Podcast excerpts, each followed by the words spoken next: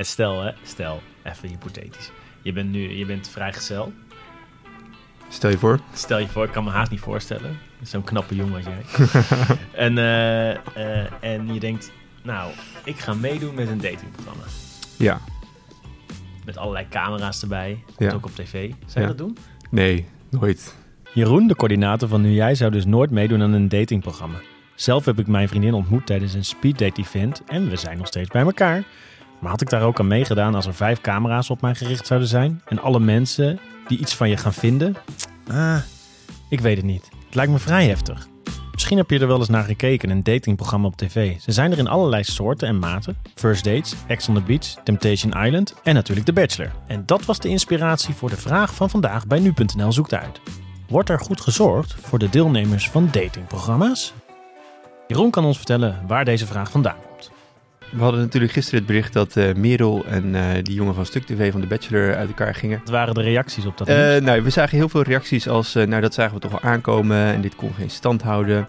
En dat deed bij ons denken van, als zoveel mensen op deze manier reageren op zulk nieuws, ehm, dan is dat blijkbaar een beeld wat bestaat. Weet je, BN'er-relaties die door de druk geen stand kunnen houden. Daarna hebben we toen zelf de denkslag gemaakt van, worden deze mensen wel goed voorbereid op de boze buitenwereld en het feit dat iedereen wat van je gaat vinden? Oké, het stopzetten van de relatie tussen Merel en Thomas van de Bachelor heeft dus indruk gemaakt bij de nieuwjaars. En ze maken zich zorgen over de begeleiding. Ik ben benieuwd of ze hier een punt hebben. Laten we eerst eens gaan praten met onze Bachelor-expert bij nu.nl, Danja. Hallo Danja. Hoi, hallo. Hallo, zou jij mij wat kunnen vertellen over hoe het laatste seizoen van The Bachelor is gegaan? Jazeker. Ja, Thomas had natuurlijk de keuze uit allemaal vrouwen met wie hij mocht daten. Uiteindelijk heeft hij gekozen voor tandartsassistente Merel. En nou ja, ze leek helemaal verliefd, want in de reunie, reunieaflevering ehm, nou ja, hebben ze verteld over dat ze nu aan het daten zijn en dat ze helemaal weg van elkaar zijn en goed bij elkaar passen. En eh, ze hadden samen reisjes gemaakt.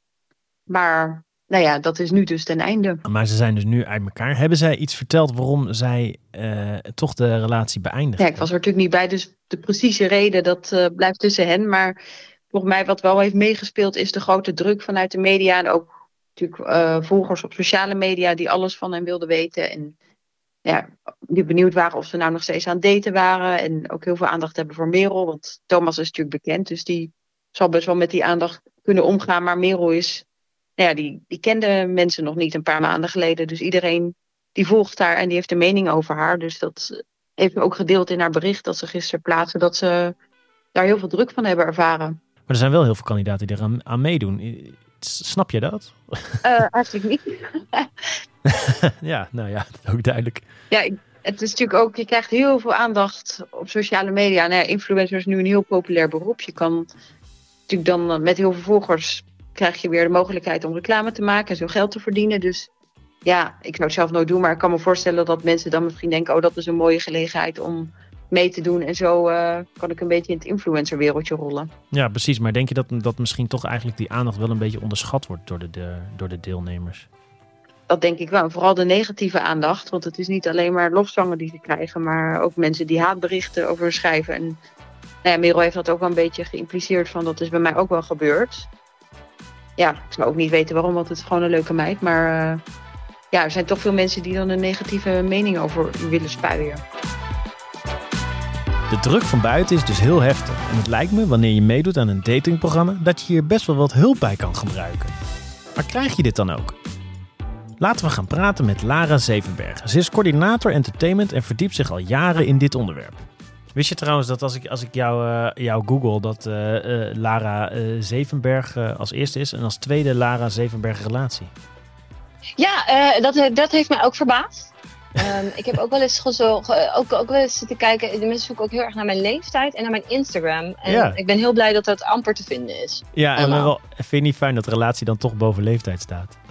Ja, dat vind ik heel fijn. ik ben wel benieuwd wat voor mensen. Ik heb wel eens van die DM's op Facebook. En dat zijn altijd van die mannen die heel erg houden van vissen. Dat is dan weer een beetje jammer. Oh, Ja, ja. Er was letterlijk een meneer die mijn bericht had gestuurd. Die had een YouTube-kanaal waarop je de hele dag naar zijn aquarium kon kijken. jeetje. Ja. Ik vind het gek dat ik nog vrijgezel ben. De aanbiedingen die vliegen me om de oren, maar ik, ik kijk, kijk, toch, uh, kijk toch nog even verder. Misschien is een datingprogramma wat voor jou. oh ja, ga ik meedoen. Dan kan ik praten vanuit de, vanuit de ervaring. Dat is wel goed. Ja. Zijn er ook leuke verhalen rondom uh, datingprogramma's te vertellen? Oh ja, zeker weten. Ja, als je kijkt naar uh, Boer zoekt vrouw, toch wel een van de meest succesvolle datingprogramma's op de Nederlandse televisie.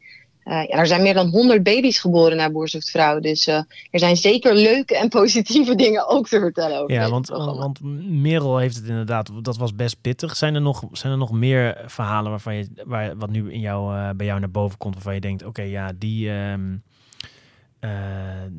die heeft het ook gewoon lastig gehad. Ja, ik ben een paar jaar geleden ben ik uh, op bezoek geweest bij boerin Bertie. Die heeft uh, jaren geleden meegedaan aan Boer zoekt vrouw. Um, en Bertie die kreeg tijdens de uitzendingen echt de wind van voren. Dat was echt heel erg naar. Dat zie je eigenlijk ieder seizoen terugkomen bij Boer vrouw. Dat op Twitter heeft iedereen een mening. En ja, die gaan dus ook over de mensen die daarin zitten. En Bertie vertelde mij van ja, er wordt dan tegen je gezegd, kijk er niet naar. Maar ja, je gaat er toch naar kijken. En dat kwetst je best wel. Um, en het is ook gewoon wel heel erg heftig. Bij haar stonden mensen ineens voor de deur. Uh, die stonden ineens in de keuken ook. Um, ja, je wordt echt overvallen door uh, de aandacht die je krijgt. Zeker bij Boer Vrouw, waar natuurlijk miljoenen mensen naar ja. kijken. Ja, dat is ja, ik, het lijkt me echt oprecht heel lastig om daarmee om te gaan. Dat je dat gewoon ook, helemaal niet uh, gewend bent om in die schijnwerper te staan. Nee, Bertie vertelde toen dat ze de hond ging uitlaten en dat er ineens een, uh, een mevrouw in een auto zat en die was met een telelens foto's van haar huis aan het maken en hoe zij de hond aan het uitlaten was. Nou, daar was zij helemaal niet op voorbereid. Ze zei ook, ik ben er zo van geschrokken. En wat ik zeg, dat er mensen zomaar ineens in de keuken stonden. Ze heeft een enorm uh, hek om haar huis heen moeten laten bouwen, want uh, iedereen kwam gewoon maar binnen. Is dit eigenlijk in de loop der tijd erger geworden? In de tijd van uh, het allereerste seizoen Big Brother was er natuurlijk geen sprake van. Dus mensen vonden je wel stom, maar dat las je niet 20.000 keer terug online. Hoe is die begeleiding vanuit die programma's? Is daar iets over te zeggen? Er zijn coaches en er is ook de mogelijkheid om te bellen met mensen. Um, uh, en er wordt natuurlijk ook gebeld omdat er nog achteraf programma's gemaakt worden van hoe is het nu met. Um, maar je wordt toch overvallen door de aandacht. Uh, je had OO Gerso en daar deed Barbie aan mee. En Barbie die uh, heeft uh, flink wat mentale problemen gehad. En ook nu nog lijkt er van alles aan de hand te zijn. En ook de productiehuizen die achter dat programma zaten en RTL die het heeft uitgezonden, heeft daarna ook gezegd, dat doen we nu anders. Daar hebben we van geleerd. Want die mensen die werden van de een op de andere dag wereldberoemd in Nederland. Um, en dat is uiteindelijk voor Barbie is dat heel erg zwaar geweest. En meer deelnemers van dat soort programma's zeggen... ja, ik was niet voorbereid op hoe het ging. Daardoor is de begeleiding wel een stuk intensiever geworden. En kun, je, kun je daar ook iets van concrete voorbeelden bij noemen? Wat zij dan doen aan die begeleiding? Nou, wat in die tijd in elk geval uh, nog niet zo duidelijk gecommuniceerd werd... het zal op op lager vlak wel gebeurd zijn hoor. Maar uh, er is wel heel duidelijk gezegd van nou, er is altijd een coach uh, die mentaal uh, jou begeleidt. Dus die met jou in gesprek gaat. Hoe gaat het nu met je? Er is bijvoorbeeld bij Temptation Island is er altijd een psycholoog aanwezig met wie de deelnemers, maar ook de, ja, de temptations, zoals je dat noemt, de, dames en de heren. die kunnen er met, met die persoon in gesprek. Um, en dat is al off-camera, dus er wordt ook wel echt voor gezorgd van, nou, dit, dit moet even privé gebeuren. Uh, dat is echt wel veranderd. Dat is gewoon veel intensiever geworden. En er is echt over nagedacht van hoe zorgen we ervoor dat mensen zich ook op de set veilig voelen. Um, maar uh, het blijft natuurlijk gewoon, wat, wat het gewoon super ingewikkeld maakt, is dat tijdens de opnames is die begeleiding er. Maar de echte shit krijg je pas over je heen op het moment dat het op televisie komt. Um, en daarvan zeggen veel oud-kandidaten dat had beter gekund. Want uiteindelijk ben ik helemaal niet blij met hoe ik op tv was. En helemaal niet blij met alle reacties. Um, maar het blijft natuurlijk wel zo dat um, achteraf komt, komt het pas. en hoe, ja, je kunt je daar bijna niet op voorbereiden. Omdat je gewoon, je weet ook niet precies welk element mensen eruit gaan pikken. Kijk naar het afgelopen seizoen Boer zoekt vrouw. Daar zat een vrouw in, ik kom even niet meer op haar naam, Mout. Er zat Mout in en die was de hele heel zweverig aan het praten. En als maker denk je misschien, wat leuk, wat een authentiek persoon.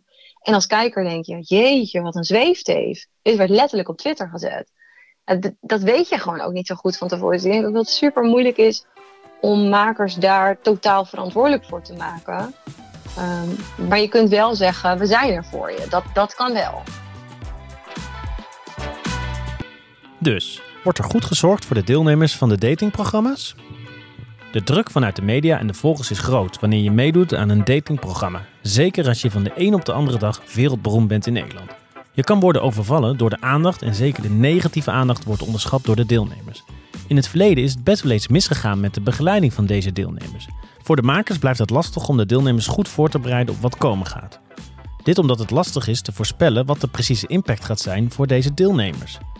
Maar de makers geven aan dat het nu beter en intensiever is met mental coaches, begeleiders en een psycholoog die aanwezig is om buiten de camera in gesprek met je te gaan.